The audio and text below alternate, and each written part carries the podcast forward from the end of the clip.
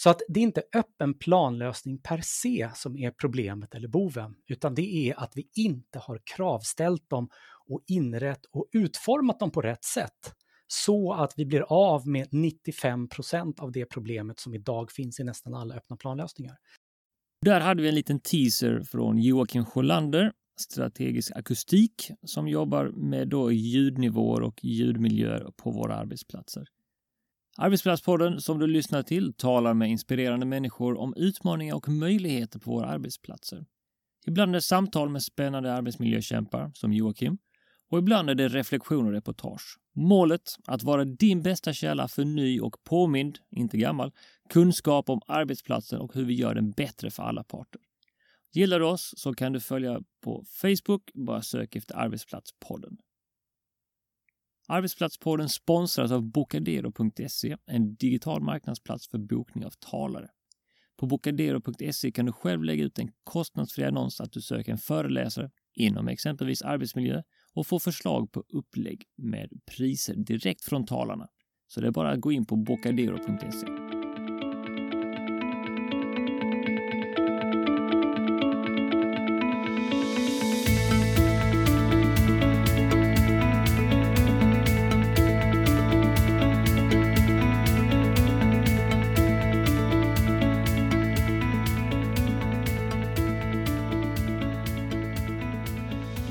Hej alla lyssnare! Andreas Ek Sarfras här från Cultivator Workplaces och välkommen till Arbetsplatspodden.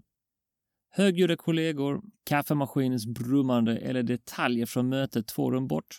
Störande moment på arbetsplatsen är många, men få är så irriterande som ljudstörningarna man inte blir av med. Tur då att det finns experthjälp att få. Dagens expert på detta område är Joakim Sjölander, självutnämnd ljudnörd som med sitt företag Strategisk Akustik löser alla andra problem med ljud man kan ha på arbetsplatsen. Så att arbetsro kan råda och produktiviteten flöda.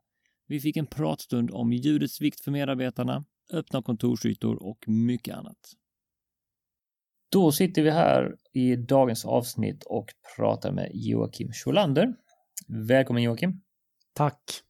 Och eh, Joakim, du sitter ju på strategisk akustik och jobbar mycket med ljud och ljudutmaningar eh, för våra arbetsmiljöer. Vilka ljudutmaningar ser du för arbetsmiljön framöver med nya kontorslandskap och annat?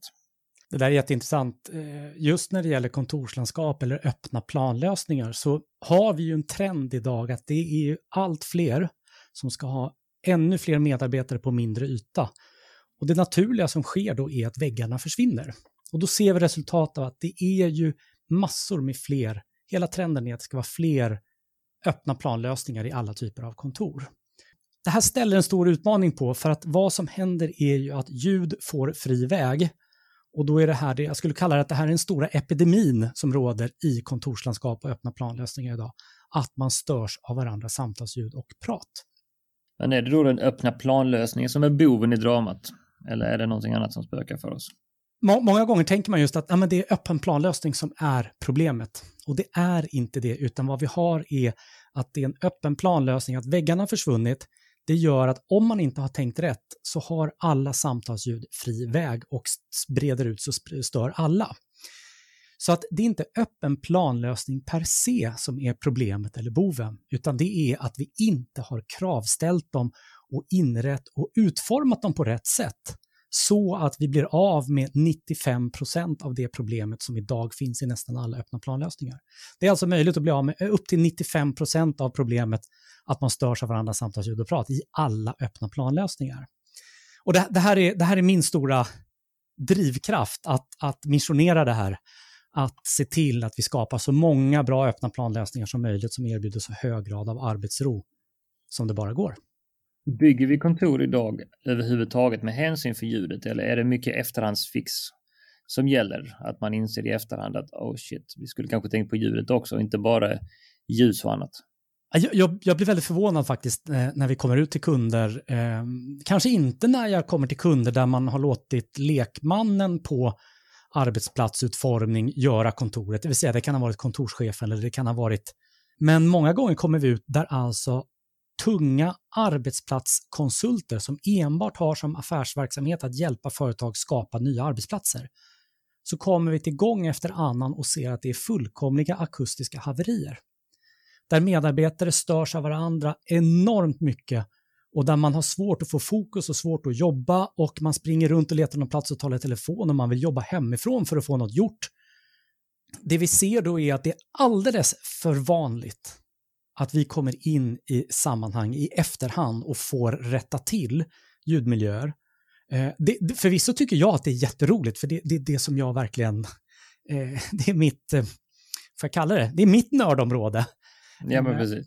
Och, och så. Men, det, men det, det, borde vara så för att med några enkla medel så går det att få ordning på det här i förhand och det behöver inte kosta pengar.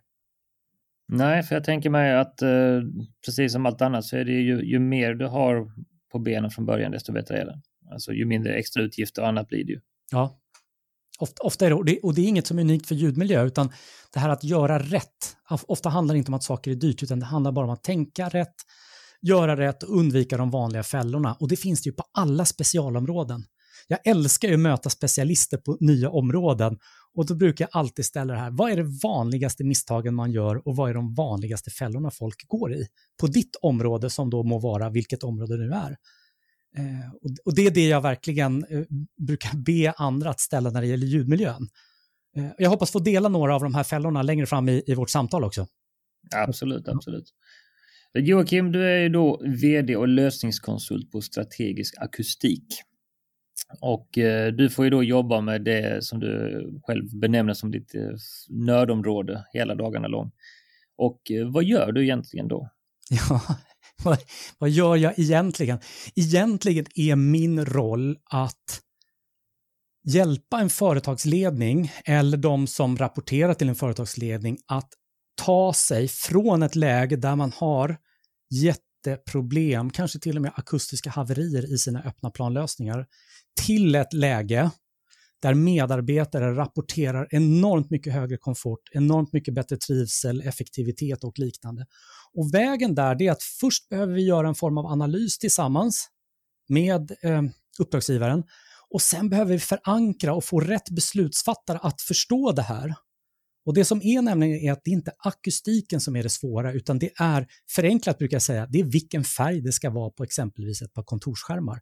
Eller vilka åtgärder kan ett företag ta emot beroende på vad de har för företagskultur och inredning och krav. Och sen när vi hjälper till att förankra det här hos en företagsledning så handlar det om nästa fråga, det är att hjälpa dem att navigera prioriteringar, olika val. Jag brukar säga att det handlar om att nu tar vi det optimala ur akustiskt men vi applicerar det på er verklighet, kära uppdragsgivare. Och hjälpa dem så att man gör smarta prioriteringar utifrån deras verklighet. Och sen gäller det att få sakerna på plats och då projektleder vi hela implementerandet. Och det kan vara att vi, som för eh, TRR som är en kund i Stockholm, eh, ungefär 2000 kvadratmeter hade vi under vecka 9 på att göra om. Det var tak och det var väggar och det var layout och det var inredning, ljudmaskering, det var allt. Och då får de en single point of contact där vi ser till att det här händer. Och dessutom hjälper de på de sätt man önskar att följa upp det här också, att antingen med akustiska mätningar före och efter, men det vi tycker är mycket viktigare det är att göra mätningar med personalen, enkäter. Hur upplever eh, personalen ljudmiljön före? Och hur upplever man det efter? Eh, det här tycker jag är jättekul. Och då försöker jag också verkligen se till att prata svenska. Eller affärsledningska. Eller vilket språk det nu ska vara, men jag försöker undvika att prata akustiska för att det är många som gör det här med ljudmiljö i kontor alldeles för svårt. Ja, det kan jag väl tänka mig. Det är ju som för många av oss är ju just ljud och termer kopplade till ljud på olika slag. I, särskilt då om man tänker kontorsljud. Det är ju inte någonting vi... Man vet knappt vad en decibel är i egentlig mening. Alltså, om någon säger att en ljudnivå ska hålla sig inom en viss decibel så är det ingen egentligen som vet vad det, vad det handlar om. Medans om ett kontor behöver vara upplyst så kan ju alla ha ett hum om vad ett upplyst kontor är. så att säga. Du tänker med belysning till exempel? Ja, precis. Ja. Va? Alltså, alla peppa peppa kan ha en bedömning av att det här kontoret är upplyst nog ur en lekmanssynpunkt. Va? Men när det gäller ljud så är det ju ingen som kan riktigt lekmannamässigt gissa sig till vilken, vilken ljudnivå det är, utan det blir säkert, tänker man många gånger en överraskning för folk hur, hur många decibel det är och vad, vad lagar och regler går. Ja, det, det, jag, jag, brukar säga, och det är min erfarenhet, för jag har försökt tänka själv, vad är det som gör att många kan uppleva att ljud är svårt? Och det, jag tror det har att göra med att, att ljud och ljudmiljö, i synnerhet i kontor, till skillnad från en industriproduktion. I industriproduktion, där upplever vi liksom, där är det höga ljudnivåer och buller. Och då mm. vet man vad vi behöver göra. Det är hörselskydd eller åtgärder för att få ner nivåer. Det, det förstår vi som lekmän eh, relativt lätt. Men jämför vi med ljus och med luft så, så kan man titta på att där är också med belysning i min erfarenhet att en lekman klarar att fixa någon form av drägliga belysningsförhållanden. Och nu med det all respekt för de som är belysningsdesigners och liknande, jag vet att ska vi ordna en optimal belysning så är det mycket, mycket mer att tänka på. Men om det är så att en lekman faktiskt själv tycker att det är för mörkt, då vet vi vad vi gör. Vi behöver tända upp. Om jag upplever att jag blir bländad, då vet jag vad jag behöver göra. Jag behöver dölja själva ljuskällan. Eh, är det för ljust, ja men då behöver jag dra ner eh, persienner eller draperier. Vi, vi, har någon form av grundkänsla för vad vi behöver göra. Samma med till exempel ja, samma med temperatur till exempel. Är det för varmt så vet vi lite vad vi behöver göra. Vi tar av oss en tröja eller vi får öppna ett fönster. Är det för kallt, vi tar på oss kläder eller vi höjer värmen. Men om vi upplever okomfort av en ljudmiljö i ett kontorslandskap, då vet vi inte som lekmän omedelbart vad det är som är problemet och vad det är vi vill åstadkomma och vad vi behöver förändra. Och det här ställer, liksom, det här är upp, få upphov till väldigt många myter och misstag man gör med ljudmiljöer i kontor. Eh, så, så, så, om man tittar på till exempel och jämför med, eh, om vi tar temperatur, har vi 22 till 25 grader i kontoret, då kan vi säga att det är ganska bra temperatur. Det finns flera variabler som styr komfort, men förenklat är det 22 till 24 grader. Eller 25, 22. Ja. Tittar vi däremot när det gäller ljud, då tror många att vi ska börja prata om att det är höga ljudnivåer eller att det är svaga ljudnivåer eller att det är någon som låter mycket. Men det det handlar om är att det är kollegornas samtalsljud och prat som hörs i för stor omfattning, för ofta, alldeles för intensivt och alldeles för tydligt. Precis, och det här är ju inte ett problem som bara finns i callcenter direkt, så även om det naturligtvis säkerligen är en återkommande kund för er del. Eh, liksom, ljudproblematiken finns ju på väldigt många platser. Ja, du, du har den så, så, länge det är eh, fler än en person i ett rum. Så ja, har precis. du eh, en problemet att vi kommer störas av varandras samtalsljud och prat i olika grad för att hjärnan är så triggad när det gäller samtalsljud att den kan inte tolka bort dem. Samtidigt går rakt in i vår hjärna. Och, det som händer så må det vara att vi med en person i ett rum, vi kanske jobbar med samma saker, eller om vi är fyra. Men när vi är flera så kommer utmaningen att när antalet distraktioner och störningar blir för, för många, och om de dessutom är för intensiva, då kan vi multiplicera antalet med intensiteten och då får vi belastningen. Och allt vi gör, jag tänker på frågan du ställde förut, vad är det jag gör egentligen? Det är att jag hjälper företag att reducera belastningen av samtalsljud. Så att allt vi gör är att vi ser till att man hör färre samtalsljud per tidsenhet genom att ta kontroll över hur långt det låter. Och sen de samtalsljud som man har kvar sen, då ser vi till att de låter eller distraherar eller stör mycket, mycket mindre intensivt. Och det, det är det här som gör att, att tar vi kontroll över ljudutbredningen och intensiteten på de smartaste sätten, då får vi sådana radikala effekter i vilken öppen planlösning som helst. Eh, och, och, Det här är jätteroligt när vi gör det här gång efter annan hos kunder och ser resultaten när medarbetare blir alldeles förvånade. Jag hade en senast här som eh, alldeles nyligen, en vecka sedan, som sa, nej men, men gud, har de möte där borta nu? Det, det, ser ju inte, jag ser ju det, men det här, jag hör det ju inte längre. Nej, men precis. Och för att helt plötsligt hade vi gjort åtgärder som gjorde att det mötet hördes inte längre på den platsen där, som störde ut i hela landskapet. Nej, men jag tänker då, vi har ju minimikrav vad gäller ljus och temperatur. Alltså har vi några minimikrav vad gäller ljud som, som man borde försöka efterleva? Ja, det här, det här, senast igår sitter jag med, med, en annan kund som är inne på när vi talar om krav, för det finns olika standards för det här och liknande. Eh, och det blir jätteknepigt för de typer av ljudstandards som finns för kontor, ehm, den som man brukar hänvisa till att använda, den är jättebra för alla ytor i kontor utom de öppna planlösningarna. Eh, och jag ska inte gå in på detaljer på det, så att det finns brister egentligen på tydliga minimi och maxkrav i kontorslandskap, men det finns hur man ska tänka och vi vet vad det är som är problemet. Så jag hävdar att man ska alltid designa en öppen planlösning för att minimera samtalsljuds utbredning. Och då kan vi tänka i meter. Vi ska alltså inte prata decibel, vi ska inte prata eh, massa andra konstiga akustiska termer, utan vi kan bestämma i den här öppna planlösningen, innan vi har inrett den, utan bara i den här lokalen. Hur långt vill vi att ett samtalsljud, ett normalt samtalsljud spontant ska distrahera någon? Och med tre enkla åtgärder som bara görs i lokalen, i tak, väggar och med att kontroll över bakgrundsnivån, så kommer du ha, istället för att du hör 30 meter bort vad någon säger, så hör du bara 5 meter bort. Och dessutom så är det de som är inom radien kring dig på 5 meter, de kommer vara mycket mindre intensivt, mycket mindre eh, påfrestande. Eh, så, så jag hävdar att vi måste börja förändra det här att sluta att de facto acceptera att det är, om jag får uttrycka det odiplomatiskt, riktigt kass i nästan alla öppna planlösningar idag. För det går att kravställa med enkla åtgärder att komma ner till fem meter och tänker vi rätt sen med layout och inredning, då kan vi komma ner till tre meter och vi talar fortfarande att det är öppna planlösningar. Det är ju det va, alltså man missar de, alltså inte små men uppenbarligen så anser ju arbetsgivarna att de är ändå ansvariga för att säkerställa en bra arbetsmiljö och ändå så verkar de inte vara jättevakna vad gäller ljudet. Jag tror det här bottnar tillbaks till att ljudet är så abstrakt så att det är så svårt att ta på och det ska man säga, om någon inreder ett nytt kontor och lägger ut bilder på LinkedIn så ser man ju hur snyggt det är och det kan komma raving reviews på gud vad snyggt, vad vackert, vad häftigt.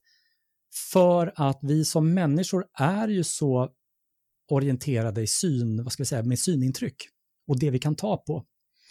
Så jag tror att om vi backar här så är det att vi alla har en sån svårighet att förstå ljud, vilket gör att man, jag vågar nog säga att man är inte alls vaken när man designar en ny arbetsplats om hur ljudmiljön ska vara eller ska bli. Eh, och, och det, här, det här gör ju då att det, det är en frustration och det här är det som jag driver för att visar på hur tydligt och enkelt man faktiskt kan göra för att göra radikala förändringar i vilken arbetsplats som helst. Eh, och det, det, tuffaste för oss alla är när det är någonting vi inte ens vet om att vi inte vet om. Då kan vi inte heller kravställa det. Och det är det jag upplever som sker på många områden när det gäller ljudmiljöer i kontor. Att man vet inte ens om att det faktiskt är möjligt att göra jätteförbättringar och jättebra miljöer med väldigt små medel. Men det går ju tillbaka till det där att vi vet inte hur vi ska handskas med ljud per se. Ja, och det är här som jag, jag eh, driver, och det här är bottnat i det, när vi talar om meter, hur långt det ska låta. Det här bottnar, det här finns standards och det här är också evidensbaserat, det är samtalsljuden som stör. Och, så det är ingenting som, som jag har hittat på. Eh, men, men just den här, så att om det är någonting man ska göra när man ska skapa en ny arbetsplats, det är just att bestämma sig för, men hur långt ska det låta? Och sen måste man då vända sig till specialister för att höra hur åstadkommer vi att det låter så kort eller så långt vi vill att det ska låta. Eh, men vi kommer till det sen där att det kommer visa sig att det är väldigt enkla åtgärder man kan göra som, som inte är någon, någon form av magi eller konstigheter. Som gör ja, men precis. Men när du då är på eh, ett kontor, ni har gjort någon analys, eh, kommit fram till att det finns de här akustiska svagheterna så att säga. Vad för motargument eller invändningar har du hört när det gäller sen att lösa problemet så att säga? Från arbetsgivare ja. och andra. Liksom. Jag, jag, jag kan möta, of, ofta kan det vara den, den som sitter på budgeten eller som liksom har någon, kanske inte delar eh, frågeställningen att det är ljudproblem, då kan det vara en tydlig, det är att man tycker att det är några få personer som är orsaken till ljudproblemen. Vad som sker är nämligen att vi har alltid, vi har, vi har en, vad ska jag säga, vi är alla normalfördelade på något vis i hur högt vi pratar, eller både i telefon men även med varandra. Där vissa pratar jättesvagt och liksom mumlar lite till varandra, har det som vanligt på det här viset. Lite så. Sen har du ju de där som liksom har en jättestämma och trycker på du vet, som man hör över hela kontoret och låter. Och en eh, invändning som kommer är att nej, men det här är inte ett problem i lokalerna. Det här är ju bara Stefan och Anders och Lena som låter mycket i det här kontoret på 100 pers. Eh, och, då, och då vet jag att det är, det är inte på det viset. För att när man gör rätt i lokalen så kommer Stefan, Anders och eh, vad kallade henne, Anna, inte längre störa på det här viset. För vad som händer är att vi tar kontroll över så lokalen förstärker inte ljud i den graden så att även de här som har en särskilt hög stämma kommer alltså inte längre vara ett, ett, en utmaning. Det är den ena. Den andra invändningen som kommer, det är det här att man säger att ah, men det här med ljudmiljöer det är så unikt, va? så att det är så speciellt, va? så att det är ingen som, eh, som vet riktigt, för det här det är, det är unikt, unikt hur man känner det.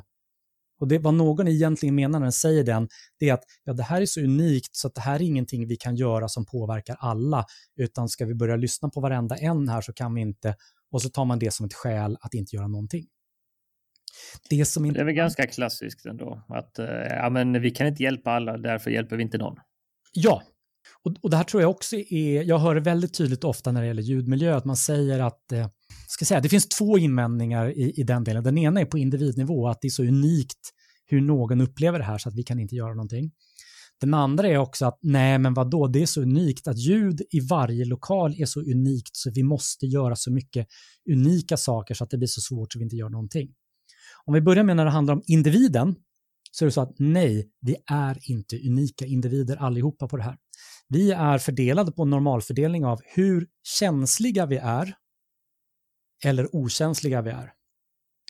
Och där ligger vi alla fördelade på någon grad. Så ja, de som har en lägre känslighetsgrad kommer rapportera mindre störning eller distraktion än den som har en högre känslighetsgrad.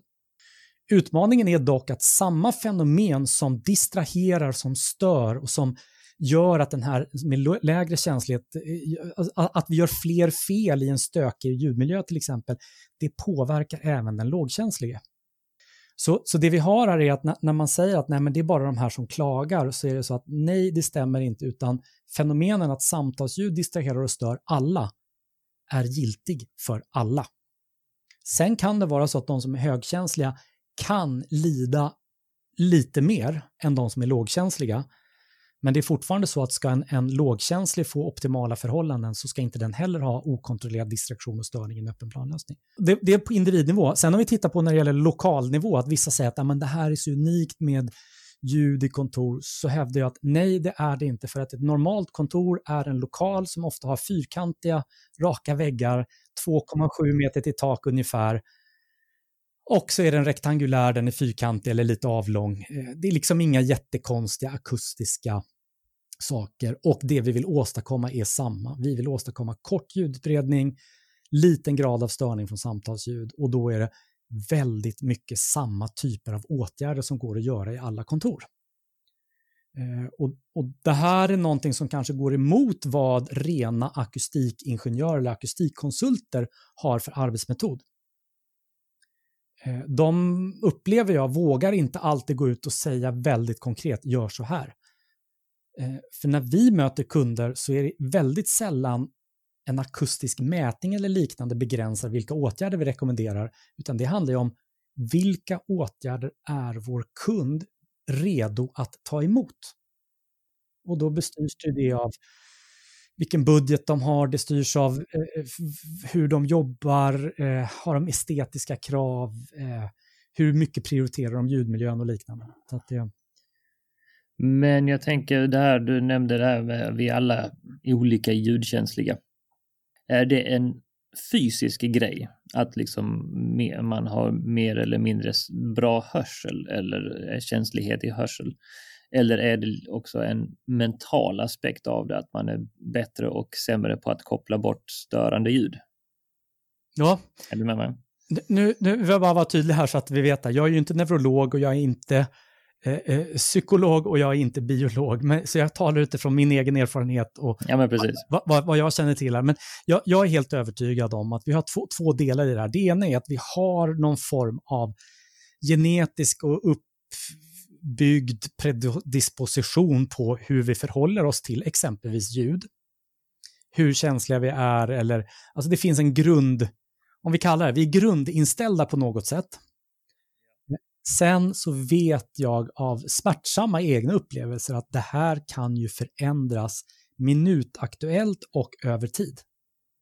Det innebär ju att det är klart att mamman som kanske inte är så ljudkänslig men har levt jättestressigt i två år och så är hon hemma och har inte fått sova för att barnen hemma röjer runt och det är någonting. Så det är klart att hon kommer ha en mycket, mycket lägre tolerans för ljudstörningar på arbetsplatsen än jämfört med hennes kollega som är en nykär eh, kvinna eh, utan barn och allting i livet är bara som en räkmacka just nu. Eh, och, det, och det här och det behöv, tog jag som exempel, men det kan också vara oss själva. Så att förenklat är det, ju högre stress, ju högre belastning vi har, desto mindre tåliga är vi för distraktioner och störningar. Och Det är det här som också då blir en del i själva åtgärderna vi gör hos kunder. Det handlar ju om att om man har väldigt hög grad av störning och distraktion så finns det inte alltid riktigt i antalet störningar ett linjärt samband. Utan du har ju förmodligen en del brytpunkter och när vi kommer ner under vissa brytpunkter av mängd störning så ökar vår tålighet för det som är kvar. Förstod du hur jag, hur jag tänker där? Det att, finns en viss anpassningsbarhet i det hela ändå utifrån situationen. Ja, och att det handlar om att, att ska säga, det måste, vi, vi måste inte nå situationer där det är absolut störfrihet. Men när vi får att det är tillräckligt hög grad av stör, eh, låg grad av störning eller tillräckligt lite distraktion, då kan vi börja funka. Men det finns punkter när det till slut är så att det inte funkar alls. Men då när ni är, ni är ute på hos kund, ni har gjort en analys, ni har en lösning, ni har löst motargumenten från eh, arbetsgivaren och kunden i detta fallet så att säga. Va? Hur går ni då sedan praktiskt tillväga för att lösa ljudproblematiken här? Ja, rent praktiskt så handlar det om att man behöver, eh, för att ta kontroll över ljudutbredningen i ett kontor, eh, så kan man förenklat se det som att om det är ett vanligt kontor som bara når samhällets miniminormer, eh, förenklat är ett kontor som alla ytor är hårda, kanske en matta, men så har man ett tunt akustiktak i lokalen. Det är de här plattorna som man brukar kunna lyfta på, som är fyrkantiga. Då brukar det vara så att om det är tillräckligt eh, stora ytor och sånt, då hör du 25, 30, 35, ibland 40 meter bort vad någon säger. Att det låter långt är inte problemet, utan det är att du stör sig av alla inom det här höravståndet.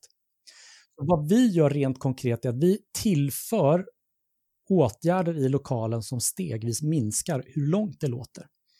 Och det absolut första och viktiga att göra för att få bort grund, eh, ska jag säga, grundåtgärden är att se till att man har ett heltäckande akustiktak som är tjockt. Det ska alltså vara minst 4 cm tjockt, gärna mycket tjockare. 9 cm hänger vi in hos kunder när vi har möjlighet och då kombinerar vi olika akustikskivor i taket. Och det har inte att göra med att taket är någon magisk yta, utan det är en yta där vi kan få in väldigt mycket ljudabsorption i lokalen till en låg kostnad. Och det är också en dominerande ljudreflekterande yta. Det är därför taket är så viktigt. Eh, det är det konkreta som vi gör. Vi tittar alltid först i taket.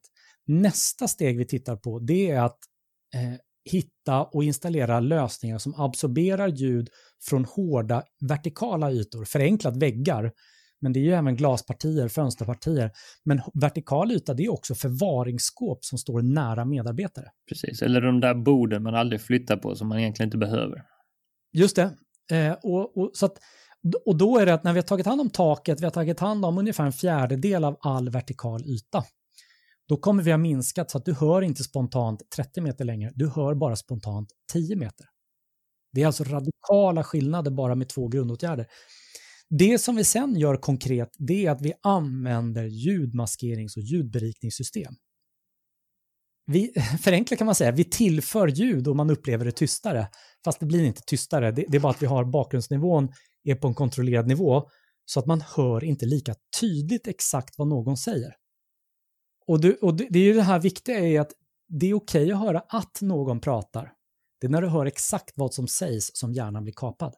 Ja, precis. Då när man kan höra detaljerna och mer fastnar i kollegans samtal än sitt eget. Precis. Och då är det så att i våra svenska kontor eh, och i Skandinavien, men framförallt i Sverige, så har vi så strikta byggregleringar så det är ofta så tyst i bakgrunden så att du faktiskt kan höra en knapp falla. Och då menar jag byggnadens bakgrundsnivå, inte när folk låter och sånt, utan är det då så att vi har 25 dBA i bakgrunden, vilket är tystare än i mångas sovrum, när vi kan lyfta bakgrundsnivån till 35 dBA, det är fortfarande supertyst. Men de här 10 decibelen vi kan tillföra med komfortabelt ljudberikande eh, maskerande brus av rätt karaktär. Det innebär att du alltså halverar tydligheten i samtalsljud i en sån här situation. Eh, det, det, det, är alltså jättestora effekter i de här sammanhangen och det är fortfarande supertyst i, eh, i bakgrunden. Skulle du gå in, Andreas, i en sån här lokal utan att jag säger till dig, nu ska du lyssna efter det, så skulle du aldrig höra det. Du skulle inte tänka på det. Eh, när vi nu har gjort det här, det här är de tre grundåtgärder, det här som är så viktigt, det här är tre grundåtgärder som går att göra i alla lokaler. Du kan göra de här i vilken öppen planlösning som helst. Nu sen kan vi börja tänka smart med vilken layout och inredning vi ska ha, men nu har vi det att har vi tillfört ljud på rätt sätt, nu har du spontant bara 5 meters distraktions eller höravstånd. Och jämför vi det med 30 eller 40 meter så är det, har, vi har tagit bort så enormt mycket av all störning så att det är en helt ny arbetsplats. Men det som är häftigt är nu att nu kan vi börja använda layout, skärmar och inredning på smarta sätt så att du kan skapa, om man har en aktivitetsbaserat kontor, nu kan vi skapa fokusytor mitt i det som kallas för de livliga ytorna. För i de livliga ytorna har vi bara fem meters höravstånd eller spontana distraktionsavstånd. Använder vi rätt skärmar och liknande, då kommer vi ner på 3, 3,5, 2 meters distraktionsavstånd som vi kan göra. Så vi ökar en flexibilitet att kunna använda våra lokaler på ett jätteviktigt sätt som inte möjliggörs riktigt annars. Och det är ju dit här någonstans vi ska komma till, va? att vi ändå har en, en arbetsmiljö som fungerar för alla oavsett om man är ljudkänslig eller inte eller för den delen behöver mycket ljus under dagen eller lite ljus eller vad det är man pratar om. Liksom? Att man ändå liksom inte, det finns aspekter av en arbetsplats man inte får glömma. Tyvärr glöms ljud oftast bort, men efter detta avsnittet så hoppas jag att uh, folk har en lite större fundering kring hur de ska jobba med ljudet i sina lokaler faktiskt. Va? Ja, det, det, det, hoppas jag också. Och det börjar med just den här att det paradoxala att vi ska inte tänka ljud utan vi ska tänka någonting som är avstånd och meter. Precis. Och då veta att det är möjligt att få ordning på det här genom att det är tre grundåtgärder och då får vi spontan distraktion som bara är fem meter bort. Och då har vi alltså lastat bort över 90 procent. Över 90 procent av problemet är borta. Och med ganska enkla lösningar ändå. Ja, som funkar för oavsett hur man sen vill använda lokalerna. För något som alla vill ha idag också, det är en stor flexibilitet. Att ena halvåret ska ett team vara där och sen ska man ha en fokusyta där och sen ska man göra något annat. Sen så är det förändringar som sker. Och har man då helt plötsligt skapat en sådana här grundförhållanden i en lokal, då är det lite som med belysning, att vi har projekterat hela lokalen för arbetsbelysning. Så vi behöver inte hålla på att flytta runt alla armaturer bara för att vi ändrar layouten. Utan vi har fixat en grundbelysning som funkar för oavsett hur vi eh, använder ytan. Och samma är det här med ljudmiljön, att nu har vi fixat ljudmiljön, vi behöver inte hålla på och konstra på olika platser och liknande, utan det är bara bra överallt. Men om man då tittar på eh, medarbetarna då, vilka skador kan man liksom ja, orsaka genom att ha undermåligt ljudmiljö i den bemärkelsen. Alltså, eh, vad är det som kan liksom, vad, det, vad kan det leda till om man missar ljudets vikt? Ja, vi, vi börjar med, om man säger, vi börjar med skador på företagets resultat, eh, så har det att, vi börjar där först innan vi talar medarbetare och människan, eh, så har vi att det påverkar ju, jag har ju kunder som har valt att inte ta arbets, alltså att eh, acceptera jobberbjudanden på grund av att de har sett ljudmiljön när de skulle jobba. Då kan vi fråga oss vad kostar det i rekryteringskostnader? Sen är det inte ovanligt man hör och stöter på de som har sagt upp sig på grund av ljudmiljön. Och då kan vi fråga oss om vi har medarbetare som vi vill ha kvar som säger upp sig på grund av ljudmiljön när det kostar väldigt lite pengar att fixa ljudmiljön så är det enorma kostnader bara om vi tittar på personal och rekrytering så. Sen finns det ju att det har ju ökad stress och liknande, går ju rakt igenom på sjuk, eh, sjukfrånvaro och eh, vi har också, jag har kunder där man har uttryckligen sagt att vi har medarbetare, nu talar vi kontor, det är alltså inte ett stålverk, det är inte en gruva, vi talar om kontor där vi har medarbetare som är sjukskrivna på grund av ljudmiljön. Och då kan vi börja fråga, okej, okay, så jag skulle säga så här, vi har inte direkta skador om vi jämför med höga ljudnivåer i en industri. Där kan du få hörselskada. Eh, där är det liksom risk för att ja, du får hörselskador och det är, är, är nog så dåligt. Vi, vi, har inte risk för hörselskador i kontor. Eh, där, Men mer en utmattningssituation. Ja, du har, du har de problematikerna där. Och när jag pratar med, med eh, vi jobbar en hel del med, med eh, Feelgood företagshälsovård och när jag talar med deras personer som jobbar med rehabilitering av eh, exempelvis personer som har varit sjukskrivna för utmattningssyndrom så är det en jätteutmaning då att de ska tillbaks till ett kontorslandskap som är jättestörande och jättedistraherande och jättebelastande. Så att vi, vi har de här, ska vi säga, sekundäreffekterna. Du har inte direkta skador, men vi har sekundäreffekter. Men det viktiga här är att däremot veta att vi måste, för det är även många som gör det misstaget, att man gör analyser på kontorslandskap till exempel, utifrån en bulleranalys som man gör i industrin. Och så kommer man fram till en slutsats att nej, det är inte höga ljudnivåer, alltså måste vi inte göra någonting. Och då har man gjort fel. Utan det är alltså inte risk för höga ljudnivåer, utan det är risk för tydliga och frekventa och många intensiva samtalsljud. Det är det som är problemet. Och det är det som då sen får sekundär, om vi ska kalla det sekundära skador eh, på hur vi stressas och hur vi mår. Så det är ju det som då är naturligtvis mm, stora skillnader mellan kontor och eh, ja, vad ska man kalla det för lagerföretag och stålverk naturligtvis, va? men ändå effekter, långvariga effekter på medarbetarna till den milda grad att folk faktiskt slutar jobba. Och en nyrekrytering idag ligger väl runt en halv miljon från ax till limpa om inte jag missminner mig. Va? Du kan tänka dig då det bolaget som har någon som säger upp sig på grund av ljudmiljön och dessutom ha, har eventuellt personer i rekryteringsprocessen som ska ersätta den här som, som då har sagt upp sig och som då väljer att inte ta jobbet. Ja, men alltså det, det, det, blir, det blir både att en, det kostar en rekrytering, men rekryteringsprocessen blir ännu dyrare och sen stoppar man ändå in det i det här. Så att det, det, tittar man på kostnader, jag brukar säga att, att eh, 90 procent av en kontorsfabrik, jag kan kalla dem för kontorsfabriker, liksom. om vi tittar på hela alltet, byggnaden, människorna, stödsystemen, lokalen och allting. 90 procent av det är ju i princip lönekostnad, 10 procent i resten. Och, och då tittar man på, oj, vad mycket hyreskostnader och vi ska få ner, så man jagar och optimerar de här 10 procenten. Och tänk då om man gör någon liten, några procent vinst på den här 10 procenten av fastighet och inredningskostnad men att det har en eller två negativa eh, påverkan på, på de här 90 procenten.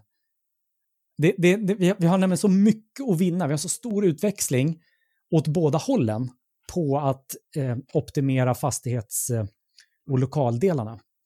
För att ofta så jämför man det med, ja ah, men vad kostar det här om vi gör så och så i fastigheten? Men man missar att sätta det i perspektiv till vad de stora kostnaderna, och det är lönekostnader. Att... Ja, men precis. Va? Och det är ju det. Det är så här, det blir en gömd kostnad eftersom inte man riktigt vet om man ska ta den från början. Va? Så det blir liksom en gömd kostnad som man bara ser i slut i slutrapporten, men som man inte riktigt vet var den kommer någonstans ifrån. Just det. Men jag tänker mig så här, dåligt ljud, det stressar, det stör, utmattar oss så att säga. Finns det någonting som heter bra ljud i en kontorsmiljö på det viset som kan liksom, kan man tillföra ljud på ett sätt som gör att folk jag vet inte, jobbar bättre, är mer avslappnade? Det, det, är ett rungande ja på det svaret. Sen är det ett skäl för ett helt eget podcastavsnitt. Men om man ska säga så här, ett ska vi börja med, det är inte bra när det är för tyst i bakgrunden. Det här är en av de stora myterna också när det gäller ljud i kontor, att man tänker att vi ska jaga tystnad. Och då är det nämligen så att när det är, och det här är etablerat, det är ingenting som är, är liksom tveksamt forskningsmässigt eller vetenskapsmässigt, att det är inte bra när det är för tyst och det är inte heller när det är bra när det är för bullrigt. Nu talar jag om bakgrundsnivåer, alltså inte om folk som pratar utan byggnadens bakgrundsnivå. Det som lite grann debatteras det är då var går gränsen för när det är för tyst? Var är det skäl att lägga till ljud och när är det tillräcklig bakgrundsnivå? Eh, och, och det, det som jag har en egen personlig övertygelse om, det är de krav vi har i Sverige som Boverkets byggregler pekar på. Och det är att man ska inte ha högre än 35 dBA i bakgrunden. Det, det är en bakgrundsnivå som är, det är väldigt tyst. Jämför med internationella mått så är det jättetyst. Eh, men när det blir tystare än det så börjar det bli creepy tyst. Och ju tystare i bakgrunden, desto tydligare hör vi exakt vad någon annan säger. Så att vi börjar med att, att ja, det ska inte vara för tyst i bakgrunden. Det är min starkt personliga övertygelse och det är väldigt många som instämmer i den. Sen är frågan då, hur och vad ska man då lägga till? Min erfarenhet är att i kontor så är det jättebra där vi jobbar och inte liksom om det är café eller om det är fikaytor eller öppna speciella team, livliga ytor, utan kontorsytor där vi ska jobba, då är det väldigt effektivt att använda rätt utformat bakgrundsbrus, rätt implementerat med rätt typer av ljudberikningssystem. Och det finns en del saker man måste göra när man projekterar det här så att det blir omslutande, komfortabelt och, och bra. Så det är inte bara att stoppa in en högtalare. Eh, sen finns det de, jag hade alldeles nyligen samtal med några, de heter Moodsonic. Eh, det är en som heter Julian Treasure som är en, en sån ljud, ljudauktoritet. De eh, håller på att etablera ett system som jobbar med att man tillför en variant av maskerande brus men med mycket mer, eh, ska vi säga, naturljudsinnehåll utan att naturljuden blir distraherande. Och sen så finns det de som tittar på att man, man faktiskt tillför vissa typer av eh, nästintill musik. Och jag personligen är starkt övertygad om att vi måste använda ljud som inte på något sätt ger dem kognitiv, att det hakar fast i hjärnan. Därför är rätt typ av brus jättebra. Atmosfärisk också. Ja, precis. Men grunden här är att, att det, grunddelen är att det är viktigt att veta nej, absolut tystnad är inte bra. Och det är faktiskt så att är absolut tystnad, det kan vi bara skapa i, i extrema ljudlaboratorier. Eh, rent fysiskt så går det nästan inte, för det har att göra med hur, hur då, då måste vi ha vakuum. Men det, men det är en sån här fysisk, om man börjar gå in och titta på det. Så, och här är en sak till som händer då, det är ju att tystnad i sig, när man säger att man ska ha en tyst zon i ett kontor, det är redan upplagt när man använder det som kravställning för att det ska bli fel. Därför att alla kommer ha en subjektiv uppfattning om vad man menar med tyst. Men om man istället säger att den här zonen ska ha en integritetsnivå som vi kanske kallar 1, 2, 3 eller 4. Och integritetsnivå 4, det innebär att spontan, spontana samtalsljud hörs bara tre meter bort, inte längre bort. Då kan vi börja säga att istället för att ta någonting som är subjektivt så kan vi börja omforma det här. Och det här går också att föra över till, det finns vissa standards för det här, hur långt det låter. Då kan vi alltså börja föra över och kravställa så att vi kan stödja hela projektet hela vägen genom inredningsfas och byggfas och allting. Så, så att använda uttrycket tyst, det är nog den största fällan när man försöker projektera eh, kontor med öppna planlösningar. För att eh, det handlar om att vi vill skapa olika grad av störfrihet från distraktioner, eh, inte absolut tystnad eller en absolut ljudnivå. Och det för ju oss eh, osökt in på ljudberikning då, till exempel. Som är ett ganska ja. spännande ord och ett intressant verktyg. Och vad innebär ljudberikning då? Ja, alltså, det, det, det, är ju att, att tillföra ljud, att det är lite som med temperatur. Att vi bestämmer vad det ska vara för temperatur. Och tar, tar vi då, det är samma med belysning, vi projekterar, ska vi ha 300 lux eller 500 lux? Och sen så, det finns flera variabler naturligtvis i belysningen, bara lux. Eh, eh, men, men förenklat är det att liksom, ska vi ha allmänljus eller arbetsljus, gör vi det. På samma sätt så är en del det att bestämma vad ska vi ha för bakgrundsnivå i våra ytor.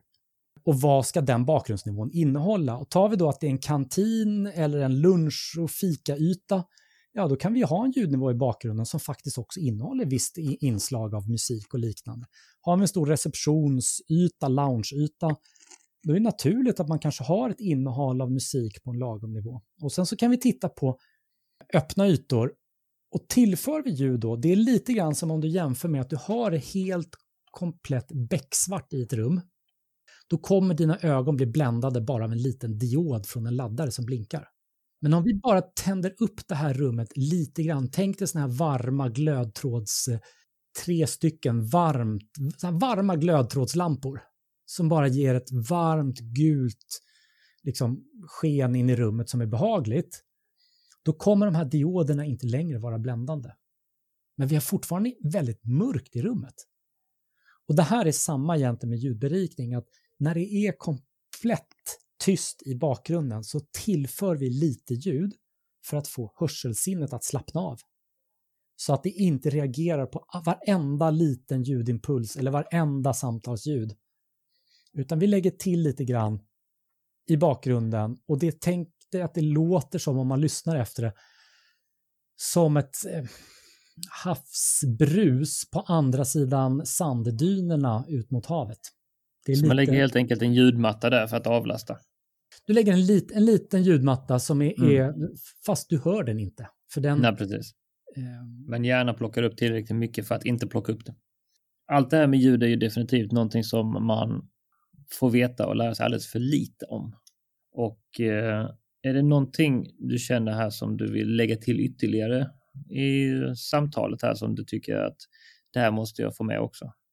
Det jag tänker är att, att om man ska sammanfatta det så först måste vi veta att den som ska skapa ett kontor eller en arbetsplats eller har problem i sina befintliga lokaler så ska man veta att det är faktiskt möjligt att med enkla medel åstadkomma radikala förbättringar. Jag menar verkligen radikala förbättringar. Det är det, är det första vi måste börja med, att man vet om att det är möjligt. Sen eh, ska man då veta att ska man göra en sak så ska du se till att, se till att skaffa ett tjockt akustiktak. Det, och har man då redan ett akustiktak som är tunt, då kan man lägga upp skivor ovanpå. Sen gäller det att titta på runt omkring på hårda ytor, alltså vertikala, skärm, eh, äh, vet det, förvaringsskåp, väggar, fönsterpartier och liknande. Se till att få in ljudabsorberande material på en fjärdedel av alla dessa. Har man gjort de här två åtgärderna, då har du en helt ny arbetsplats. Vill man sen börja experimentera så, så absolut, eller experimentera, vill man sen testa så är det också att, att faktiskt pröva att tillföra ljud. Och då ska man göra det på kontrollerat sätt med rätt system. Och sen är det då att känner man här att, att nej men det här behöver jag hjälp med eller liknande, då ska man ta kontakt med specialister på det här. Och jag rekommenderar då att ta kontakt med akustiker som man känner att man då får ett stöd i som pratar svenska med en själv så att man känner att ja, men de här förstår vad vi vill och de förstår problematiken. Eh, och är det, är det annars så, så det, det, var jag, men det måste bottna med att man ska inte fortsätta acceptera att ljudmiljöer är dåliga, för det går att få ordning på dem. Först och främst få tag på någon som man kan kommunicera med som gör att man förstår vad man är ute efter. Och eh, sen helt enkelt ta till sig av det man får lära sig. För att eh, det finns missar vi gör i, ljud, i ljudmiljön och de har sina konsekvenser och kan kosta både företag pengar men också medarbetare sin hälsa. Och sen är det roligt att det finns några grundåtgärder som inte behöver kosta mycket som gör jätteskillnader. Ja men precis. Va? Och alla dessa insatser är ju säkerligen billigare än eh, bara en ny rekrytering, tänker jag. Ja, eller en extra lång sjukskrivning eller en ja, eh, ytterligare eller ett mindre fel i koden på programmeraren som programmerar eller vad det nu må vara. ja, men precis. Ja. Joakim, ja. jag tackar dig oerhört mycket för att du tog dig tid idag och eh, sätta dig ner och eh, lära oss lite mer om ljud och hur viktigt det faktiskt är och också gett oss några riktigt tydliga verktyg att ta med oss så att vi faktiskt både som ledare och som medarbetare kan våga ställa lite krav när vi faktiskt har ett lite större hum om vad vi, vad vi ska lyssna efter. Ja, tack själv. Det var jätteroligt. Så får vi se om vi kan göra en uppföljare med de bra ljuden kanske. Ja, mm. det blir bra. Tack så Joakim, länge. Tack så jättemycket. Hej då. Jag hoppas du tyckte det var givande med detta avsnitt av Arbetsplatspodden och att det gett dig verktyg och tankar för just din arbetsplats. Dela gärna avsnittet eller kommentera. Glöm inte att kolla in bokardera.se, vår sponsor, för fantastiska föreläsare. Och jag hoppas att ni får en fortsatt fantastisk dag.